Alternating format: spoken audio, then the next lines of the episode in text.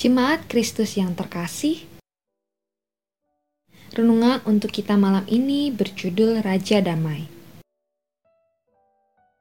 Dan bacaan kita diambil dari kitab Mazmur pasal 10 ayat 16 hingga ayatnya yang ke-18. Beginilah firman Tuhan.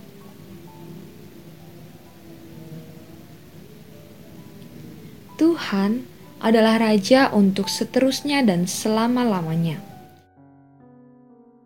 Bangsa-bangsa lenyap dari tanahnya.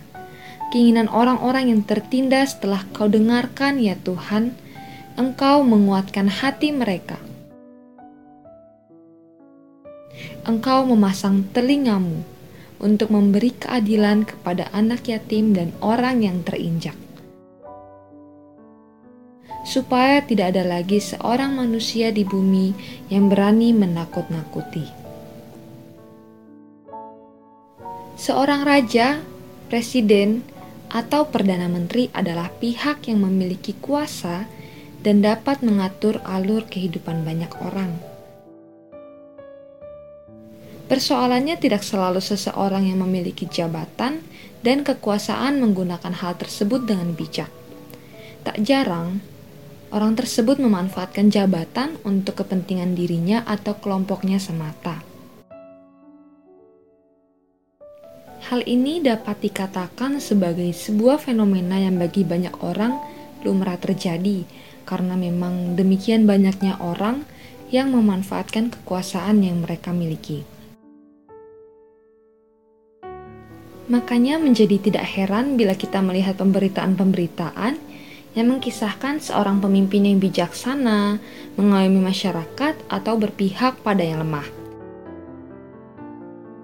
Rasa-rasanya hal itu menjadi barang yang sangat langka dan mahal, hampir-hampir mustahil terjadi. Dan kita mendapatkan gambaran Allah sebagai raja yang membawa keadilan dan damai.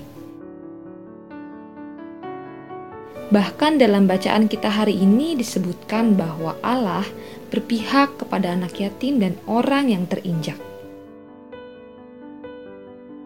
Sungguh sebuah hal yang patut kita syukuri karena Allah hadir sebagai raja yang berbeda dari gambaran para pemimpin di dunia ini. Dengan demikian, seharusnya kita bersyukur dan kita memasrahkan diri kepada Allah. Tentu kehidupan kita akan terjamin dan mendapatkan keadilan dan sekaligus karena raja yang kita sembah adalah adil, itu berarti sudah seharusnya kita juga menjadi orang yang memperjuangkan keadilan. Jadilah orang-orang pilihan yang terus berpihak kepada yang lemah.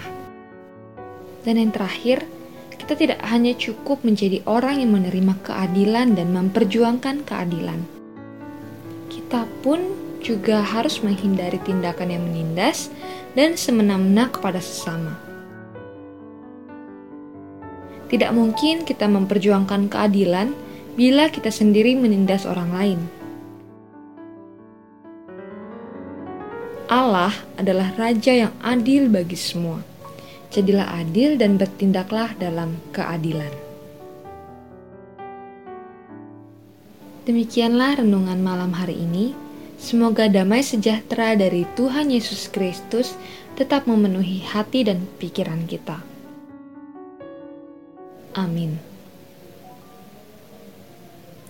Jemaat yang terkasih, mari kita bersatu hati menaikkan pokok-pokok doa yang ada dalam gerakan doa 21 GKI Sarwa Indah. Mari kita berdoa.